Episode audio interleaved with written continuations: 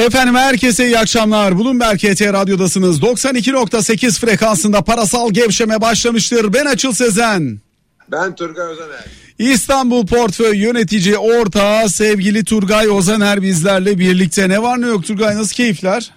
İyi keyifleri yani moraller bozuk tabii. Hepimiz de öyle. Olanlardan yani e, maalesef e, gerçekten insanın içi yanıyor bir şey yapamıyorsun. E, o da gerçekten insanı çok üzüyor.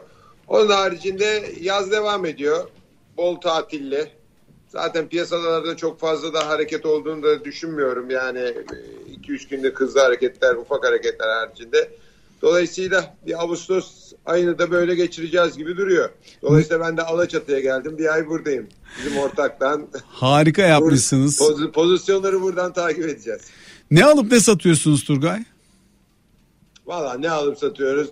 Bank of America ne satarsa onu alıyoruz. Ne alırsa onu satıyoruz. Yabancı mı takip ediyorsunuz yani? Ya bir şey söyleyeceğim. Yani e, şöyle gerçekten e, şaka bir yana e, likiditenin hep senden konuştuğumuz hatırlarsan Mart'tan e, sonra hep konuştuğumuz şey likidite o kadar kötü ki ve o ilgi o kadar kötü ki işte Bank of America e, bütün piyasada işte onun hedge fon mu desem işte high frequency fon mu desem ne desem bilmiyorum ama işte uzun zamandır gerçekten o bizim bildiğimiz eski yabancılar olmadığı için e, piyasada inanılmaz bir dominant etki yaratıyor.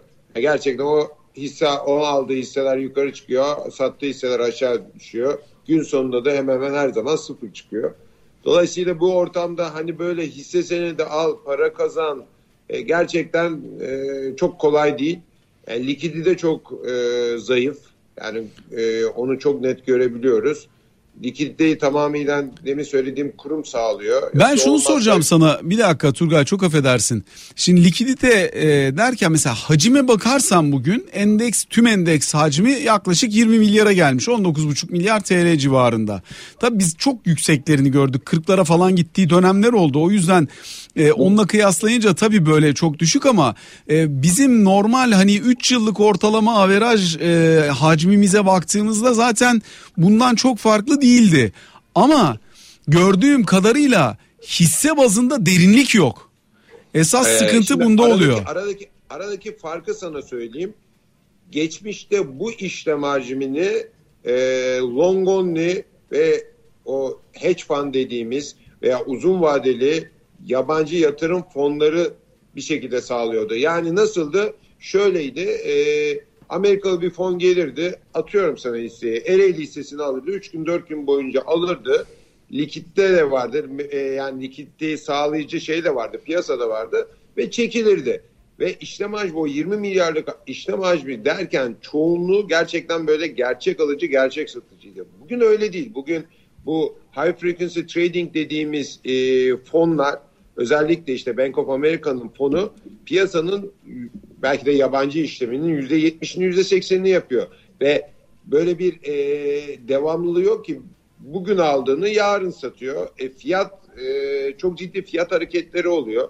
E siz bugün X bir hissede atıyorum bir pozisyon aldınız beğeniyor beğeniyorsunuz. Şimdi orada bir satış geliyor.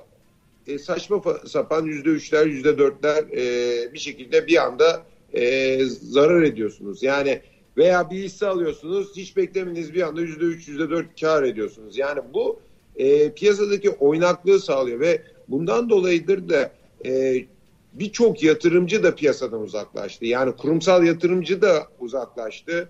Bireysel yatırımcı da uzaklaştı. E, bireysel yatırımcıyı da bir de hem halka arzlar hem bedelli sermaye sermaye arttırımları hem e, bir ara işte kripto currency'ye gittiler. Ya şimdi bunların hepsini üst üste koyunca gerçekten böyle likidite dediğim benim şu. Yani bugün 10 milyon tane ereği satacaksanız veya 5 milyon ereği satacaksanız eskiden karşınıza ciddi alıcılar gelir. Veya alacaksanız ciddi satıcılar gelirdi. Şimdi böyle bir şey yok. Yani iki kurumu e, maalesef e, likiditeyi iki kurum e, sağlıyor. 2-3 kurum sağlıyor. E, bu da sağlıklı fiyat oluşmasını engelliyor.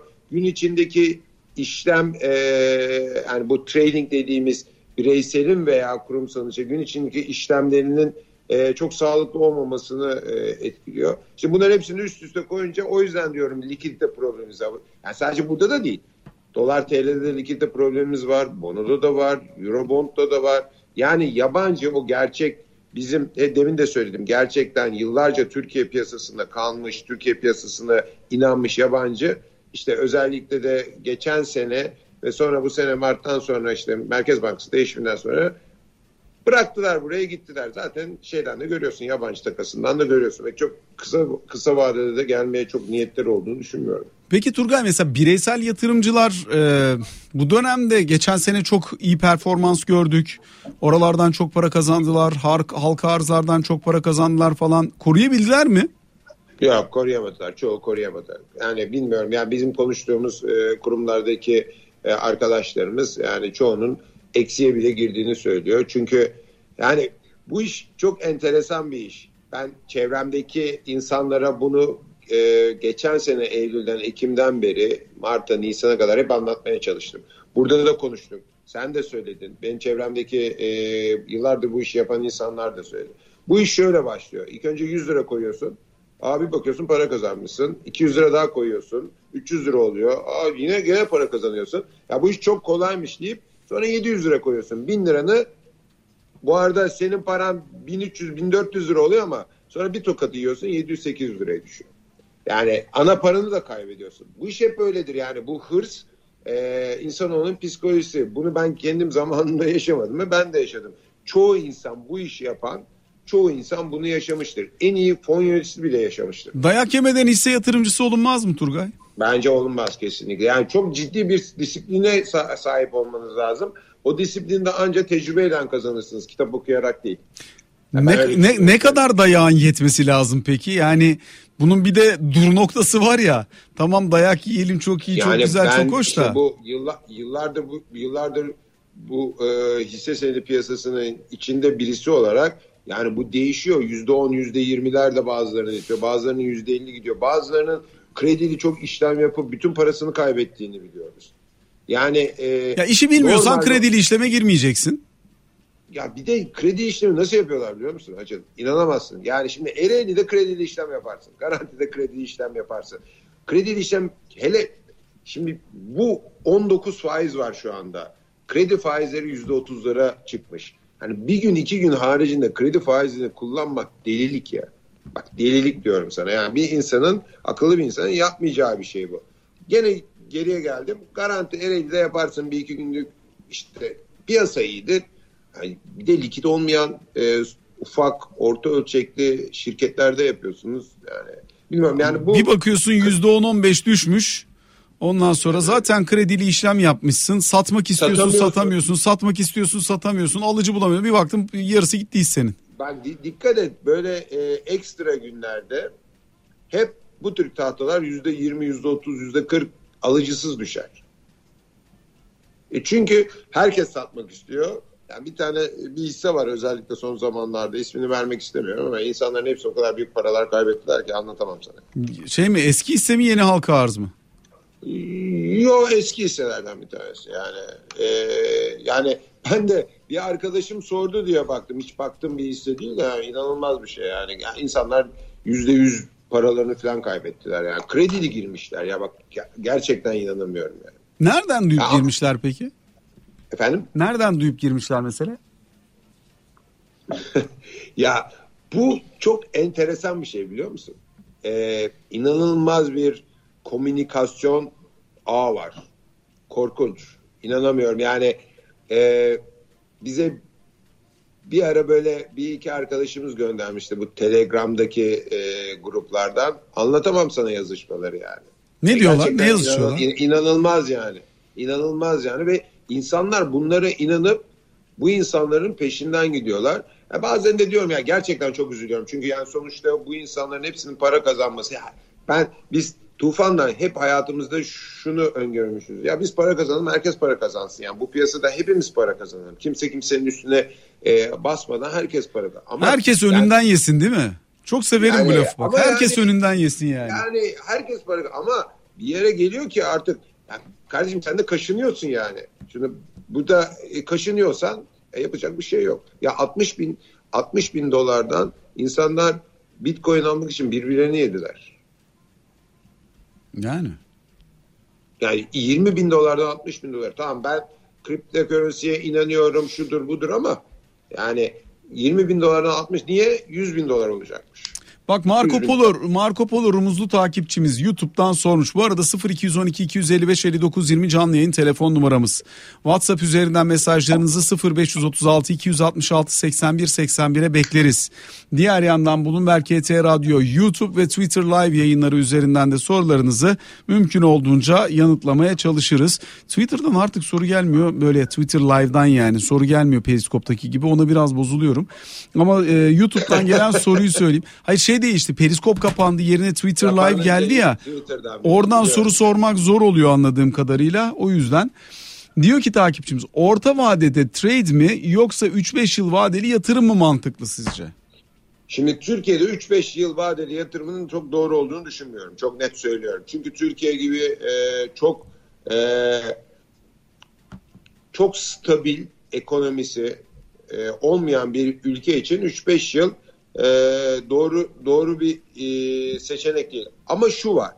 Yani şimdi bugün de bir bir buçuk ende, bir buçuk sent ende, bir buçuk dolar endeks değil mi? İşte 1.55 evet. falan veya 1.60 falan neyse. İşte bir buçuk, bir buçuk Türkiye için ucuz bir rakam.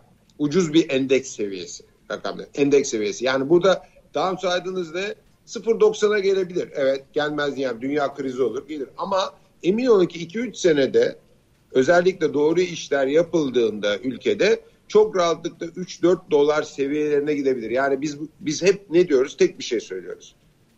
Burada Türkiye hisse senedi piyasası, Türkiye'deki şirketler, işlem gören şirketler gerçekten çok ucuz. Zaten bunu bizim sadece biz söylemiyoruz bunu. Bunu e, MSCI endeksindeki ortalamalara baktığınızda ne kadar geride olduğumuzu, işte Koç Holding'in e, iskonto oranının uzun zamandır ne kadar düşük olduğunu bunu, bunu hep görüyoruz. Dolayısıyla bunu buradan aldığınızda bir buçuk, bir, bir altmış endeks seviyeden aldığınızda hedefiniz olması lazım. İki buçuk mu? Üç mü? Oradan da satmanız lazım. Emin olun bir süre sonra veya işte dört mü ne, bilemiyorum o rakam sizin kendi risk e, e seviyenizle alakalı. Emin olun tekrar geliyor. Bakın 30 yıllık endeks grafiğine dolar bazında bir 5 olmuşuz, bir, bir buçuk olmuşuz, 0.90 olmuşuz, bir 4 olmuşuz. Devamlı böyle gidip gelmiş. Yani dünyadaki gibi 10 e, yılda işte temettüsüyle, o suyla bu suyla maalesef olmuyor. 10 yıl önceki garantinin piyasa değeri bir sene önce mi neydi? 10 sene önceki fiyat, fiyat e, piyasa değeri. Yani, işte dün, dün de aynı şeyi konuştum. Yani 2.8 milyar dolara düşmüş İş Bankası'nın piyasa değeri. 2.7 milyar dolar sadece şişe camın piyasa değeri var. Ya bir şey söyleyeyim. Bankacılığı eksi yani şu anda. İş Bankası'nın bankacılığı eksi. Yani bankacılık yani bankasının değerlemesi açısından söylüyorsun. Bankacılığı eksi. Bütün iştiraklarını çık bankacılık eksi. Yani Aa, yani hep aynı şeyi söylüyoruz. Yanlış fiyatlamalar var. Her şey yanlış. Tüpraş örneğini ya tamam Tüpraş belki şey olabilir. Hani dönemsel olarak e, bu ara kar etmeyebilir de eski, sırf hayat kar etmek demek değil ki. Bu adam koç oldu, koç grubu bunu aldıktan sonra kaç milyar dolar yatırım yapmış bunun içine. Kaç milyar dolar almış, kaç milyar dolar yatırım yapmış. E bugün kaç iki buçuk milyar dolar mı, üç milyar dolar mı? E, 2.8 yani, milyar dolar hani piyasa demek değil. istediğim şimdi demin ki Marco Polo'daki arkadaşlar siz bugün Tüpraş 2.8 alıp 5 milyar dolara bekleyebiliyorsunuz. Evet bekleyin. Dolar bazında bekleyin. Veya işte atıyorum Türk Hava Yolları'nı 2 milyar dolarlık Türk Hava Yolları'nı bekleyip 5-6 milyar dolar olacağını evet bunu alın veya Koç Holding'i alın. Bunda hiçbir sıkıntımız yok. Ama şunu beklemeyin. Ben 10 yıl beklemiyorum. Yani 2'den 6 olur Türk Hava Yolları. Tekrar sonra tekrar 2 2 2 3 olur yani. Şimdi bu söylediğin bu söylediğin çok güzel bir örnek. Yani Tüpraş e, özelleştirildiğinde sene yanlış hatırlamıyorsam 2006 olması lazım. 2005 sonu 2006 başı olması lazım. Ka- kaça özelleştirilmesi? Ben 4.1 milyar... milyar dolar abi. Tamam. Ben de işte 4.4,5 milyar dolar atıyorum. Şeyle KDV'siyle 4,5 doğru. 4.1 e, milyar. 4,5 Tabii. üstüne de 4 2 milyar dolar sadece 2 milyar dolar civarında sadece bu full oil dönüşüm hikayesi için yapılan toplam yatırım tutarı var. Yani dönüşüm ette 6,5. E, Üstüne yapılan diğer yatırımlar da var. Tevzi e, yatırımları, yani benim, ek yatırımlar falan da var. Benim hesapladığım 9 9,5 milyar dolarlık Yani o 5 milyar dolara yakın ciddi bir yatırım oldu. Hani temettüleri düşünün ne kadar temettü vermiştir o da tartışılır. E, ne oldu bugün 2.8 milyar dolar. Türkiye'nin en büyük sanayi şirketi açık ara. Yani hani ben Koç grubunun gerçekten e, bu fiyat Tüpraş'ın bu fiyat ol, olmasına şaşırıyordur herhalde onlar. Ya bu arada çok iyi yönetilen bir şirket. Harika bir şirket. Marjlarını genellikle koruyabilen bir şirket. Ama tabii geçen sene konjonktürel olarak çok acayip bir yere gelindiği için zorlandılar. Ama önümüzdeki senelerde e, yani Türkiye'de sanayide Tüpraş'ın liderliği değişecek bir liderlik değildir. Hani öyle 1-2 senede değil 5-10 senede 20 senede falan ancak belki değişirse değişir. Aynen öyle yüzde sana katılıyorum ama işte hep bu yanlış fiyatlamalar şu anda Türkiye'de çok ciddi A'dan Z'ye yanlış fiyatlamalar var. İşte Tüpraş da bunlardan biri. Bankalar da bunlardan biri. İşte atıyorum Türk Hava Yolları da bunlardan biri. Ya bak bugün şişe camın bilançosu açıklandı. Evet. Tamam mı? İnanılmaz iyi bilanço geldi değil mi? Çok iyi bilanço. E, beklen, çok iyi bir bilanço geldi. Ya bugün yaptığı prim yüzde bir. Yani şimdi beklenti bitti diyemezsin çünkü çok ciddi aşağıdan yukarı bir primi de yok. E çünkü alıcı gerçekten bir alıcı gelmiyor. İşte bugün Bank of America orada satıcı. O yüzden çıkmıyor bugün fiyat.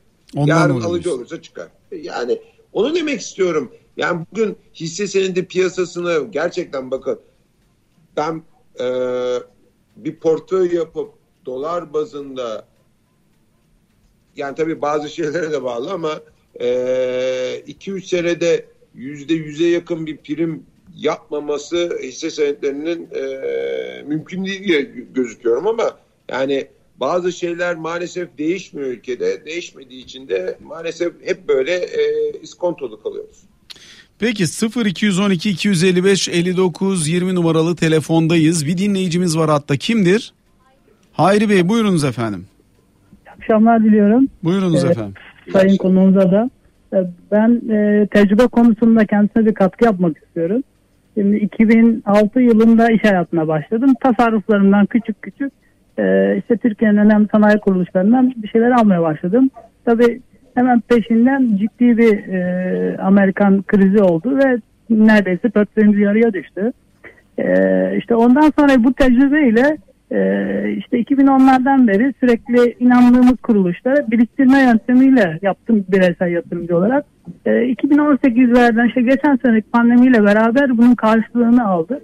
Ee, hakikaten döviz bazında altın bazında baktığımızda e, iyi şeyler yaptığımızı gördük. Hani benden daha genç olan arkadaşlara bunu tavsiye ediyorum. Surf yapmayın oradan oraya oradan oraya geçmeyin. Yani para kazanamazsınız. İnandığınız yere biriktirin ve devam edin gibi.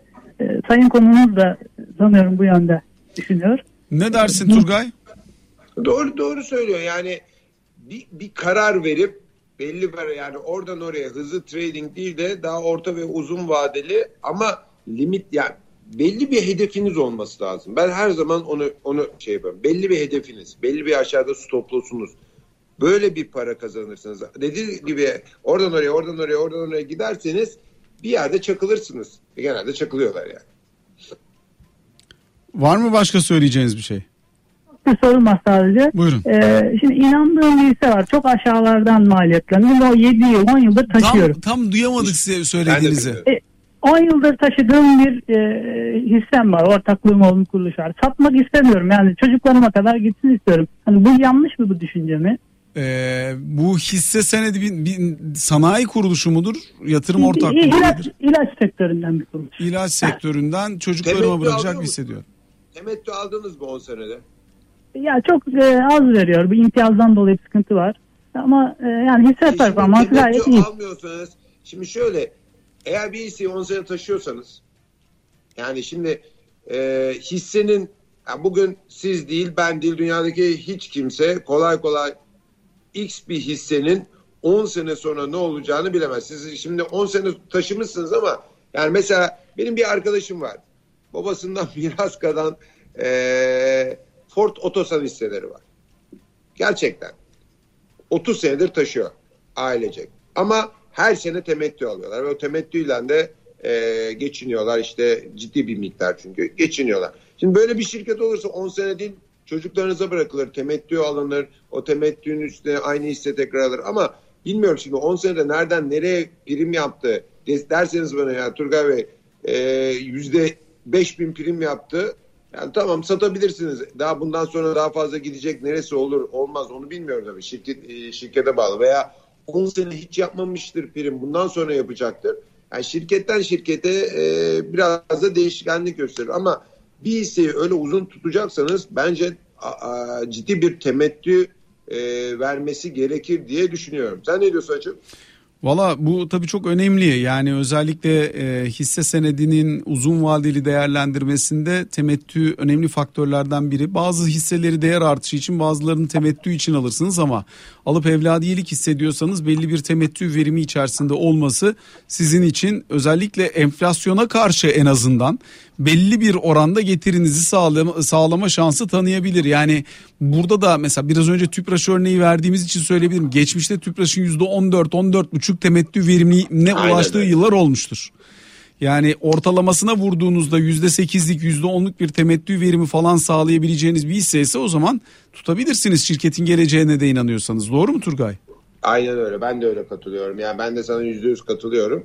Yani bir şekilde bir ekstra bir gelirinizin olması lazım.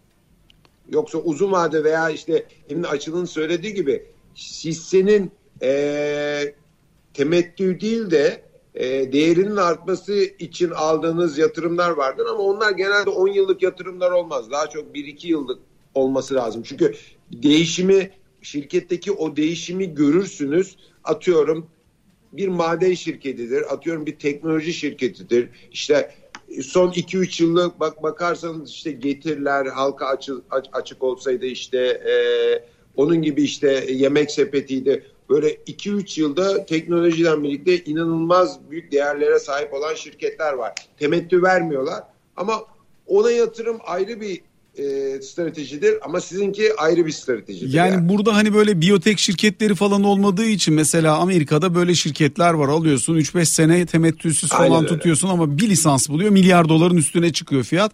Bizde pek böyle Aynen. şeyler olmadığı için e, oralardan ziyade biraz daha hakikaten bildik sanayi geleceğinin olduğuna inandığınız şirketlerde temettü de varsa evladiyelik diye düşünmek lazım. Bir dinleyicimiz daha mı var hatta? Peki bir dinleyicimiz daha var. Alo. Kemal Bey beklettik sizi kusura bakmayın. Yok estağfurullah iyi yayınlar diliyorum.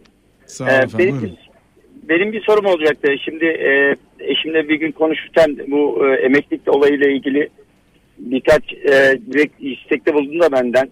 Ben de bu e, hisse senedi kağıtlarına yatırım yapmak istiyorum ama bana tavsiye edebileceğiniz bir kağıt ya da e, yani siz şimdi şey, emek emekli e, ikramiyenizle hisse senedi bir bölümüyle hisse senedi yatırımı mı yapmak istiyorsunuz? Hayır yok şöyle söyleyeyim. E, eşimle ben sigortayı yapmayı değil de her ay hesabına ona bir hesap açıp bir kağıt üzerine ya da işte birkaç ha, kağıt üzerine güzel yatırım soru. yapmak. Tamam bu çok güzel soru. Emekliliği düşünerek diyor hisse biriktirmek istiyorum. Gidip bireysel emeklilik yapmak yerine diyor e, hisse biriktirmeyi düşünüyorum. Turgay o, o bu, bu bunu çok duyuyorum ama bunu bunu ben çok duyuyorum ama e, buna ilişkin iki tane şeyle birlikte bırakayım sana sözü. Bir tanesi bireysel emeklilik sisteminin sağlamış olduğu emekliliğe kadar tutacaksanız bireysel emeklilik sisteminin sağlamış olduğu iki çok büyük avantaj var. Yani orada fonunuzu yönetmenin. Bunlardan bir tanesi ciddi bir stopaj avantajınız var. Eğer 56 yaşına kadar bekleyecekseniz çok ciddi bir stopaj avantajı var. İkincisi %25'likte bir devlet katkısı var. Belli bir seviyeye kadar sağlayacağınız, yapacağınız yatırımlara asgari ücretin belli bir oranında. Dolayısıyla bu iki avantajı da dikkate alarak cevap vermeni rica ederim Turgay. Tamam. Bir kere stopaj avantajı dediğinde şöyle sana şöyle katılmıyorum. Hisse senedinde e, stopaj veya vergi olmadığı için bugün itibariyle dolayısıyla stopaj avantajının çok bir artısı yok. İkincisi devlet katkısı, katkısı gerçekten önemli. Ama orada da şunu unutmamak lazım. 6 yıl 7 yıldan sonra rakam büyüdüğü için devlet katkısının çok çok fazla bir etkisi olmuyor. Yani 6 yıl 7 yıl boyunca etkisi oluyor ama ondan sonra e, etkisi olmuyor. Tabii burada şöyle bir avantaj ve dezavantaj var. Avantajlardan bir tanesi şu. Bireysel emeklilik fonlarına verdiğinizde bunları profesyoneller yönetiyor. Dolayısıyla zamanı geldiğinde pozisyonu azaltıp zamanı geldiğinde arttırıyorlar ve dolayısıyla sizin e, takip etme zorunda olmadığınız onların işleri bu olduğu için e, bir şekilde her an piyasaları takip edip bunu maksimize etmeye çalışıyorlar.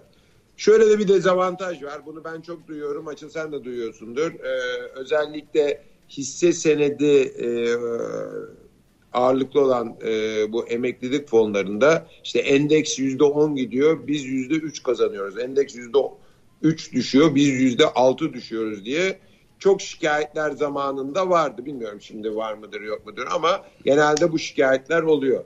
Dolayısıyla ben her zaman şuna inanıyorum. Paranın bir kısmıyla bireysel emeklilikte hisse senedi tarafına yatırmak lazım.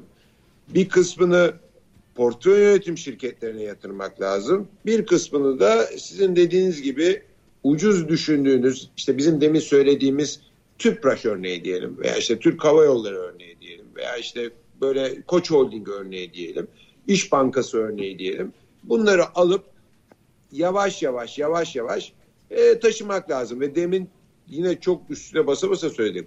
Aldığınız hisselerin kesinlikle e, en azından yüzde doksan kesinlikle yıllık bir temettü verimi olması lazım. Yani değişir yüzde beş olur yüzde on beş olur ama ortalama yüzde on olması lazım ki o taşıma maliyetinizi karşılayabilmek en azından bir kısmını karşılayabilmeniz lazım. Yoksa bu ömür boyu bunları tutarsanız bir yani bir şekilde bir, bir şekilde artı yazmanız lazım ki ömür boyu bunları tutarsanız hiçbir esprisi olmaz. Yani benim düşüncem böyle bunu bir şekilde üç tarafa yaymak lazım. Ee, unutmayın profesyoneller sizin için ve Türkiye'de bence bu e, profesyonelleri çalıştırmak gerçekten çok ucuz. Ee, gerçekten öyle o, ya. Gerçekten çok ucuz. Ee, dolayısıyla profesyonellere ciddi bir kısmının yüzde altmışını bırakmak, yüzde yetmişini bırakmak çok doğru olduğunu düşünüyorum. Peki e, var mı başka şey dinleyicimiz? Kaç dakika? İki buçuk üç dakikalık bir reklam aramız var. Onu verelim. O arada biz Turgay ile birlikte YouTube'dan ve Twitter'dan gelen bazı sorular var. Onları yanıtlayacağız. Ee, kısa bir aradan sonra yeniden karşınızdayız. Efendim tekrar sizlerle birlikteyiz. Bloomberg KT Radyo'da parasal gevşeme sürüyor. Ben Açıl Sezen. Gelmedi Turgay'ın sesi. Bir daha söyle bakayım. Ben Turgay Özener. sevgili Turgay Ozaner'le sohbetimize kaldığımız yerden devam ediyoruz. Tam su içerken yakaladım seni çünkü. Evet. Ya Turgay bir şey söyleyeceğim. Senin yemekle aran iyi. Fena değil. Yani böyle güzel yiyorsun, keyifli yiyorsun. Ondan sonra yeme içme tarafında bir sıkıntın yok. Fakat sürekli fit görüyorum seni. Nasıl oluyor?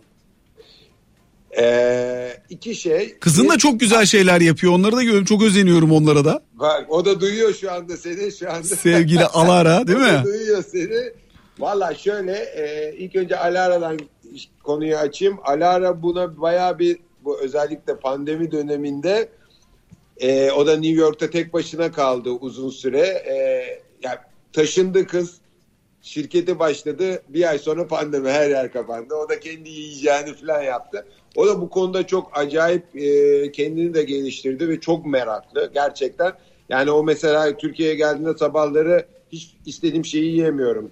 Bütün menüyü o yapıyor. Çok güzel bollar yapıyor görüyorum evet, böyle yaban evet, mersimli çok, falan. Çok güzel şeyler çok, yapıyor. Çok çok çok başarılı. Bir gün eğer Alıçat'a gelirsen ya dersin İstanbul'da Alara olduğunda bir gün seni kahvaltıya davet ederiz. İnşallah süper olur. Süper İkincisine olur. gelince e, en önemli şey akşamları geç saatte yemek yememeye çalışıyorum. Yani saat 5'ten sonra mümkün olduğu kadar yemiyorum. İki öğün yiyorum işte saat 10, 10 buçuk 11. E, bir de işte 4'te 5'te. İşte yazın pek olmuyor tabii. Yazın biraz e, maalesef. İspanyol modeline dönüyorsun değil mi? Biraz İspanyol modeline. Ya şey burada Alaçatı şimdi 2-3 gündür yemek yiyorum. 7.30-8'de yiyorum. E ben gittiğimde kimse olmuyor zaten restoranda. Millet 9'da gelmeye Tabii, başlıyor. 9'da gelmeye başlıyor. 10'da yemek başlıyor yani. Aynen. Yani e, ona çok dikkat ediyorum. Bir de mümkün olduğu kadar spor yapıyorum açılı. Yani e, işte bizim bir kendi takımımız var yıllardır oynadığımız. E, Minyatürkale onlarla maç yapıyoruz. Yürüyüş yapıyorum haftanın 2-3 günü. Mümkün olduğu kadar yani hava el verdiğince bir sakatlık falan yoksa Onun haricinde öyle yani o, o kadar da o kadar da fit değiliz canım. Yok yok bayağı Yani fit çok- görünüyorsun ya. Bayağı fit görünüyorsun. Sağ ol. Şimdi Sağ ol, güzel sorular var. Bir hızlıca onların üzerinden geçeyim. Sonra başka şeyler de var sana soracağım. Bunlardan bir tanesi diyor ki Selahattin Bey biraz önce konuştuğumuz konu çerçevesinde ya diyor 7 yıldır borsadayım. Boşuna vakit kaybı. Borsaya harcadığım para, parayı ve vakti keşke ticarete harcasaydım diyor. Ne dersin? Katılmıyorum kusura bakmayın. Çünkü ticarette de batabilirdi. E, doğru iş yapmasaydı ticarette batan birçok insan var. Yani ben borsada krediyle iş yapmayıp e, yani krediyle iş yaparsanız batarsınız veya çok saçma sapan TIO ile iş yaparsanız batarsınız veya çok büyük para kaybedersiniz veya çok büyük para kazanırsınız. Ama doğru hisselere yatırım yaptığınızda evet zamanlama biraz problem, fiyat biraz problem. Ee, ama gerçekten ucuz hisseyi aldığınızda eninde sonunda e, bu size prim olarak geri döner. Ben ben hep şunu söylüyorum açıl. Evet hisse senedi işte ucuzdu, bilançoydu, kardı, zarardı, işte trenddi bunların hepsi var ama bence hisse senedinde para kazanmanın en büyük, en önemli iki şeyi bir zamanlama. Gerçekten iki disiplin. Yani psikoloji, disiplin onları bir yere koyuyorum. Yani evet şirket ucuzdur, bilançosu iyidir, karı vardır, büyümesi vardır. Bunların hepsi vardır mikro olarak. Ama zamanlama ve e, disiplin de çok çok önemli olduğunu düşünüyorum. Yani yine tüpraştan hep gittik. Tüpraşı 80'den de alabilirsin, 120'den de alabilirsin. 120'den de ucuz zaten diyeceğiz. Zaten bugün konuşur o gün konuşurken diyeceğiz ki tüpraş 120 de ucuz diyeceğiz. Yani ne olacak? Tüpraş bugün 2.8'de 3.5 4 milyar dolar olacak. Biz yine 9 milyar dolardan konuşacağız. Ama bunu 90'dan aldığınızda içiniz çok daha rahat olacak. Çok daha aşağıya potansiyeliniz daha, daha az olacak. Dolayısıyla dediğim gibi e, hisse senedi doğru zamanlarda ve doğru hisselerde yapılan ticaretten çok daha fazla para kazandırır her zaman. Şimdi e, mesela Dicle Hanım'ın bir sorusu var. Diyor ki 2020 Mart'taki gibi bir düşüş bekliyor musunuz bu yıl veya önümüzdeki yıl borsada? Şimdi Türkiye piyasasında öyle sert bir düşüş beklemiyorum. Ee, yani 120 bin Türkiye 68 bin yanlış hatırlamıyorsam değil mi o dönemki düşüş? 120 yok o kadar 120 bin 84 bin. 84 bin miydi? MKB galiba 84'ü gördüm minimum. Dur ben Ee, hatırlayamadım. ben hatırlıyorum. karıştırıyor da olabilirim. Ee, yani şöyle dünyada şimdi dünyada bir kriz olmadığı sürece bizde öyle büyük bir e, sert düşüş olacağını düşünmüyorum. Dünyada da çok ciddi sert düşüş olacak. Dünyadaki düşüş tamamen FED'le alakalı olduğunu düşünüyorum. Artık e, pandemiyle ilgili dördüncü dalganın peakinin daha düşük olduğunu olacağını düşünüyorum. Çünkü aşılamayla e, o peakler daha e, daha aşağıda kalacak. Daha hızlı e, insanlar iyileşecekler diye düşünüyorum. Yani dolayısıyla böyle büyük bir düşüşü kesinlikle beklemiyorum. Ama 120 yurt bin dışında- 88 bin olmuş evet. Ya bak nereden hatırlıyorum biliyor musun 120 bini? Bak sana söyleyeyim yaptık yaptığımızı sana söyleyeyim. 120 bini 90 doğru hatırlamışım da şeyi hatırlamamışım. Dok- 120 binden biz short yapmaya başladık. Bu pandemi hikayesinden fonlarımıza yani getirilere de bakarsınız. Sonra 92 binden almaya başladık. 88 bin. Ertesi sabah 83-84'ü görünce biraz e, stres olmuştuk ama ondan sonra işte o gün ertesi gün döndü. Biz Cuma günü çok ciddi pozisyon almıştık. Pazar günü şeyi açıkladı FED. Parasal gevşemeyi açıkladı. Pazartesi likiditeden dolayı çok Amerika çok büyük dağıldı. O dağılınca bütün dünya dağıldı. Sonra pazartesi bir daha açıkladılar. Salıdan sonra döndü zaten. Çok iyi hatırlıyorum. Öyle bir düşüşün olacağını şu etapta e, öngörmüyorum. Abi varyant büyürse bir tur daha kapanma gelirse İşte bak demin sana söyledim. Şimdi okuduğum şeylerden şunu görüyorum. Ee, ben bu Fauci'nin e, bu Amerika'daki CDC'nin baş, e, şey e, çok çok e, önem veriyorum. Adam ne derse çıkıyor yani. Trump çok dinlemedi onu ama yani mesela diyor ki şu anda dinlese başkandı diyor. zaten şimdi. Evet. Ee, şey e, artıyor diyor ama diyor geçen seferler gibi artık şey değiliz diyor. Ee, savunmasız değiliz diyor. Aşı var diyor ve sonuçta e, tedavi yöntemleri yani net tedavi çıkmasa da ne yapacağımızı daha net biliyoruz diyor. Şimdi ben şöyle baktım 360 milyon 400 milyon insan Covid olmuş. 330 350 milyon bile. Bunu sen 3'ten bir çarp. Yani e, bunlar e, belli olanlar bir de belli olmayanlar var. E, 1 milyar insan zaten Covid olmuş. E, 3, 2,5-3 milyar insan da aşılanmış. E zaten dünyanın yarısı neredeyse ya Covid olmuş ya aşılanmış. Yani dolayısıyla ben varyantın e, çok çok böyle etkili olacağını düşünmüyorum. Yani varyant mesela özellikle BioNTech ve Moderna'da özellikle BioNTech'te yani evet hasta ediyor evinde yatıyorsun grip gibi 7 gün sonra 8 gün sonra çıkıp hayatına devam ediyorsun.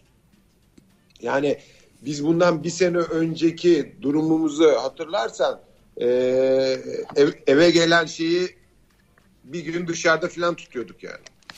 Şimdi Peki. o, o pozisyondan bugün bambaşka bir pozisyona geldik. Yani bir yerden sonra nezle gibi grip gibi bir muamele yapmaya başlayacak insanlar gibi. Ama ben şuna şuna inanıyorum. Dünya şuna doğru gidiyor. Aşısızların aşısızlara e, aşısızlar için hayat biraz daha zor olacak diye düşünüyorum. Ben yani E, bu arada- Bugün New York'ta me- şeylere restoranlara giriş için aşı zorunluluğu getirildi. Yani eğer girip Evet. restoranda yemek yiyeceksen aşılı olmak zorundasın. Yoksa oturamıyorsun.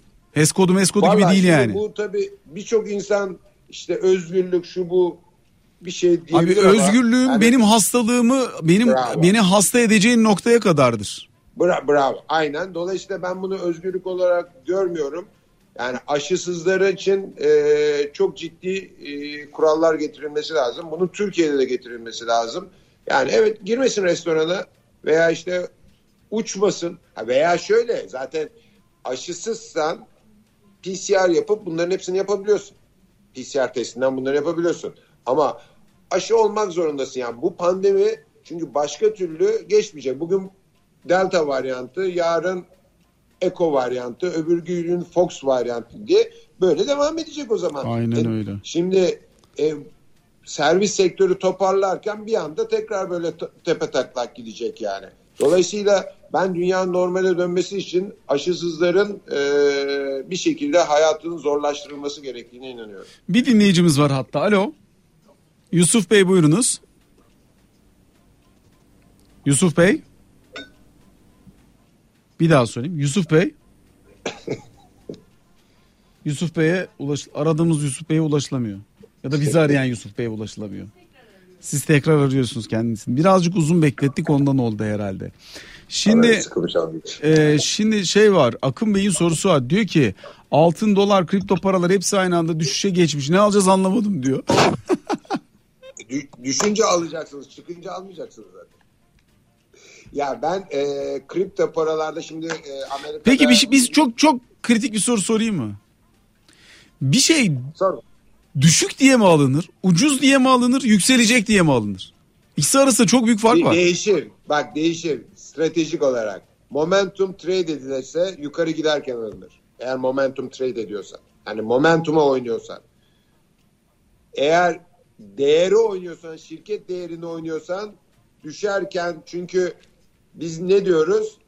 Fiyat yanlış o düşüş yanlış fiyatlama getiriyor. O zaman düşerken alınır. Hızlı bir para kazanma amacını gütmeden ya da reaksiyon olarak belki kı- kısa bir e, kısa bir reaksiyon verir ama sonuçta bir hissede 10 lira eden hisse 7 liraysa ve düşmeye devam ediyorsa alacaksın yani. Sonuçta o şirketin değeri 10 lira. Onu unutmamak lazım. Peki. Ee, o zaman no, ulaşılamıyor dinleyicimize. Peki. O zaman benim e, birkaç tane daha sorum var sana. Bunlardan bir tanesi Twitter'dan bir takipçimiz yazmış. Biraz önce temettü konuştuk ya. e, Evet. Financial Engineer rumuzlu takipçimiz. BIST'te uzun vadeli yatırım yapılmaması gerektiğini belirttiniz. Yani çok uzun vadeli yatırımlardan 10 senelik Ben yatırımlardan uzun vadeli bahsediyorsun. derken şöyle alıp unutma Türkiye piyasası için doğru bir strateji olmadığını düşünüyorum. O da buradan hareketle şöyle sormuş. Biraz önce temettüde dediğin için şu an uzun süre tutmak için temettü dağıtan ucuz şirketler çok fazla. Bu kadar ucuzken buradan maliyetlenmek sizce doğru mu? E, çok ucuz. Şu anda şöyle bir sıkıntı var. Faiz yüzde on dokuz. Bizim en büyük şu anda sıkıntımız faizin yüzde on dokuz olması. Dolayısıyla Ama bu faiz %19'un kalacağını düşünüyorsanız şu anda e, böyle bir şey yapmanın doğru olduğunu düşünmüyorum. Ama faizin ileride düşeceğini e, tahmin ediyorsanız ve böyle bir e, öngörünüz varsa evet o zaman hem fiyatı ucuz hem de temettü hisselerinde kesinlikle alıp işte ciddi bir süre pozisyon taşımak doğru olur diye düşünüyorum. Peki. Çok net olarak yani. %19 faizin olduğu yerde hisse senedi taşımak açısından bakışın nedir? Taşınır mı sence hisse senedi? Taşımak yani, için nasıl bir getiriyle e, beklemen lazım? Yani gerçekten çok zor bir soru ve zor bir karar. Yani aylık yüzde bir buçuk para kazanıyorsun. Ee, tıkır tıkır sıfır risk. Ee, ne olursa olsun yani eğer dolar pozisyonun yok doları düşünmüyorsan TL'm varsa. Dolayısıyla yani ben hisse senedinde e, böyle 19 faiz ortamında ciddi bir hisse senedi pozisyon almanın çok doğru olduğunu düşünmüyorum. Ama buna bir ama diyorum. Hisse senedi alınmasının şu andaki en büyük pozitif avantajı hisse senetlerinin genel olarak ucuz olması. Eğer ucuz bugün atıyorum 2 dolar olsaydı en e, faizi 19 olsaydı hiç hayatta bakmayın derdim yani.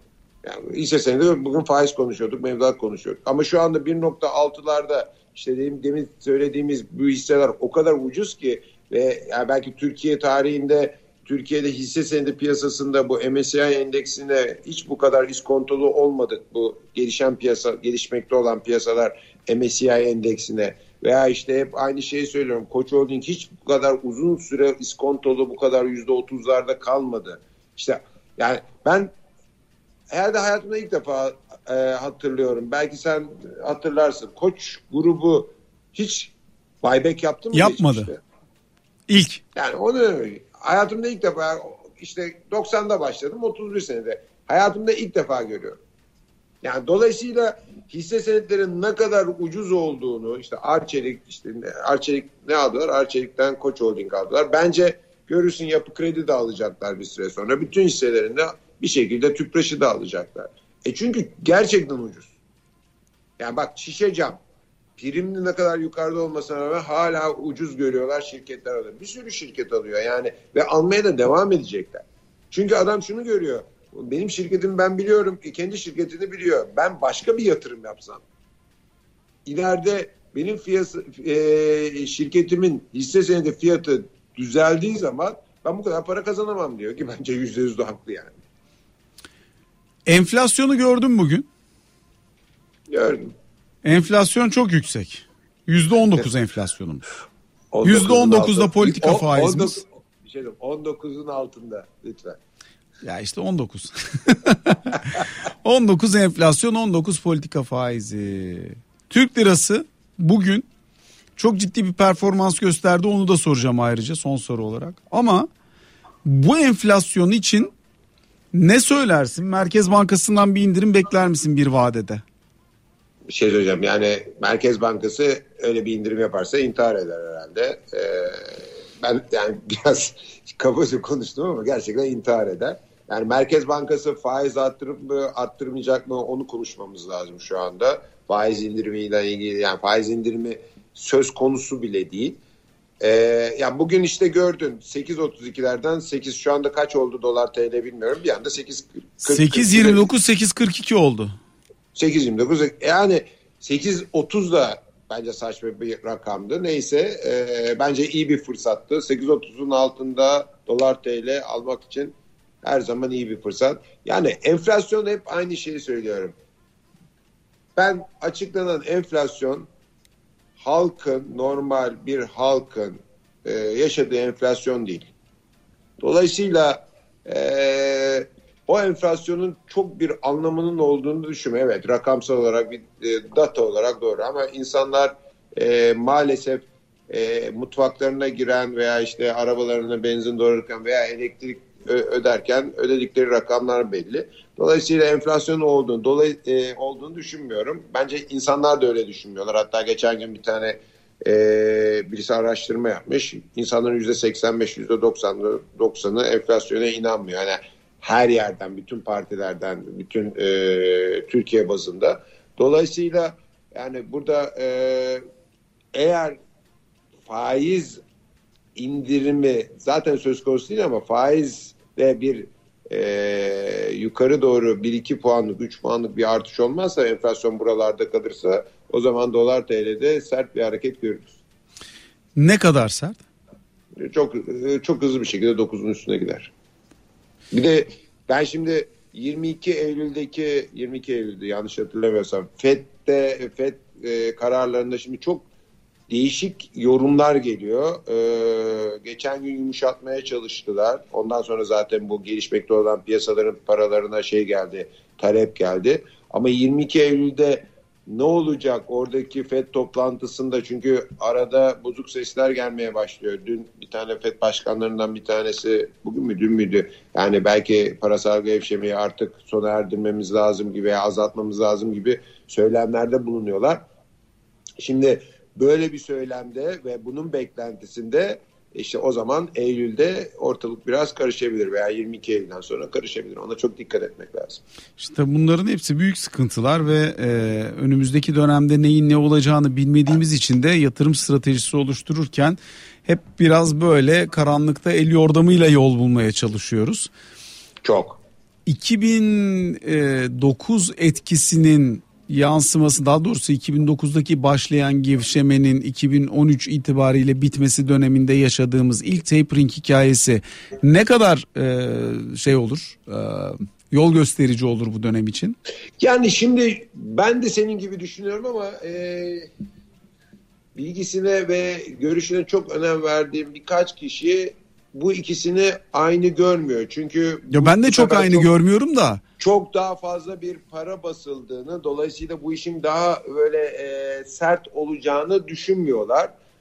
Ben e, tabii piyasaların tepkisinin nasıl olacağını bilmek çok zor. Yani burada e, e, psikoloji çok önemli. Yurt dışında insanlar çok büyük paralar kazandılar. Yani gerçekten inanılmaz paralar kazandılar. Dolayısıyla hani orada bir kar realizasyonu veya işte e, yeter bu kadar ben para kazandım işte FED artık genişleme 2022'nin sonu işte faiz arttırımı başlayacak işte filan falan böyle şeyler konuşulduğunda böyle bir çalkantılı dönem yaşayabiliriz. Yani önümüzdeki dönem özellikle yurt dışı açısından e, ben bir senenin volatilitenin yüksek olacağını düşünüyorum. Hatta bugün e, VIX endeksi ilk defa e, 19.19'lara çıkmış öyle bir şey e, e, gördüm. Dolayısıyla volatilite önümüzdeki bir senede yurt dışında çok sık görebiliriz. Tabii yurt dışının bu kadar volatil olduğu ortamda da yani Türkiye'nin bir şansı şu olur. Yabancı pozisyonu çok yok ama sonuçta yine etkilenir miyiz? Evet etkileniriz. Peki e, son sorum bizi bu temadan sıyırıp borsayı yukarı kuru aşağı baskılayabilecek iyimser haber akışı ne olabilir? Vallahi Olur mu? Ben, Var mı böyle bir ihtimal? Bu, bu, Sürpriz evet, iyileşme. Yani ben, ben gerçekten e, şöyle son 2-3 senede şunu görüyorum. Yani ekonomi, ekonomi tarafında, ekonomi yönetimi tarafında çok ciddi hatalar yapıldı. Yani bu hataları yapmaktan vazgeçip tamamıyla e, doğru işler yapılırsa hani yabancı yatırımcının tekrar geri geleceğini düşünüyorum. Yani çünkü dediğim gibi her şeyin ötesinde burası bir batı ülkesi ve çok ucuz e, fiyatlar var. Yani fiyatlamalar gerçekten çok ucuz. Yani bilançolara bakıyorsunuz bütün bilançolar çok çok çok iyi geliyor yani. Çünkü Türkiye Türk şirketleri, Türk bankaları, Türk şirketleri hepsi e, yıllardır e, krizler yaşadığımız için e, yönetimleri gerçekten inanılmaz tecrübeli ve dolayısıyla bu kriz yönetimlerini çok çok çok iyi yapıyorlar, çok başarılı. Ama yani e, ülkede yani hukuka bakıyorsunuz hukukta problemimiz var. Eğitime bakıyorsunuz eğitimde problemimiz var. Hep böyle bir e, ya sosyal medyaya baktığınızda inanılmaz bir e, gruplaşmalar, ayrım, ayrımcılıklar, ayrışmalar var. Yani ülkenin biraz sakinleşip e, özellikle ekonomi ve hukukta çok ciddi doğru e, kararlar alınması gerektiğine inanıyorum. Bu, bu olursa e, bu dediğin e, gerçekten belki hani şu anda bir rüya gibi görünüyor ama gerçekten çok ciddi 5 dolarları görmemiz işten değil hisse senedinde 7'nin altına dolar dolar TL'nin gelmesi işten bile değil. Bak ciddi söylüyorum. Yani diyeceksin ki çok hayat çok pembe bir tablo çizdin diyor, diyor, diyeceksin ama bak gerçekten öyle. Ama bu dediklerimin olması lazım. Bu dediklerim olmazsa böyle e, ömür boyu ucuz e, bir e, ülke olarak devam ederiz maalesef. Ömür boyu ucuz ülke. Rusya gibi. E, Rusya öyle bir şey diyeyim, Rusya öyle değil mi? Ömür boyu aynı çünkü yabancı yatırımcı güvenmiyor sonuçta. Yani yabancı bak buradaki hikayemiz şu. Yerlinin tasarrufunun rakamı belli. İşte geldi 2 milyon tane yerli yatırımcı geldi. Tamam mı? İşte bir para yatırıldı. Kitlendik durduk. Şimdi bunlar bir para kazanmazlarsa bir sene içinde bunlar satmaya başlayacaklar veya 6 ay içinde veya bir böyle bir krizde. Bizim Türkiye olarak her türlü hem direkt hem portföy hem indirekt yatırıma ihtiyacımız var. Yabancı paraya ihtiyacımız var. Yabancı yatırımcı da niye çıktı? Niye gelmiyor şimdi? Ucuz, bu kadar ucuzuz niye gelmiyor? E şimdi bunu düşünmek lazım. Dolayısıyla onları getirmek için bu dediklerimin kesin yapmamız lazım. Yani 3 ayda 4 ayda bir Merkez Bankası Başkanı değiştirirseniz olmaz yani gelmez adam. Yani siz 7.20'den bir günde paranızın değeri 8 yüzde 10'a yakın bir değer kaybediyor. E adam buraya yatırım yapmış bir günde yüzde 10 para kaybediyor dolar bazında. Yani neyse demek istediğim şu çok köklü değişiklikler yapmadığımız sürece maalesef yabancı yatırımcıyı Türkiye'ye getirmemiz çok zor. Saat kaç biliyor musun? Saat 19.03. O zaman yayını yayını bitirmek için yeterli e, malzeme var elimizde diyorum. Valla bu sene transferleri çok beğeniyorum. Eğer 2-3 kişi daha bir de Santrfor'la Godin'i alırlarsa Sergen onları uçurur. İnşallah yani. Sergen Hoca uçurur onları. Biz çok be- çok şey beklediğimiz kadrolarda sukutu hayale uğrayan, pek bir şey beklemediğimiz kadrolarla şampiyon olan bir ekibiz. Doğru söylüyorsun. o yüzden haklısın. O yüzden Gerçekten. iyi, inşallah hayırlıysa olsun o transferler. Sevgili Turgay çok çok teşekkür ediyoruz. Ee, Tağla Çatılar'dan bize zaman ederim. ayırdın. Bizle birlikte oldun. Kendine çok iyi bak. İyi tatiller diliyorum. Bekliyorum Alaçatı'ya. İnşallah Halara'yı da öpüyoruz. Kendinize çok iyi bakın efendim. Bizlerle birlikte olduğunuz için hepinize çok teşekkürler. Yarın akşam Ozan Özkural bizlerle birlikte olacak. Kendinize iyi bakın. Hoşçakalın.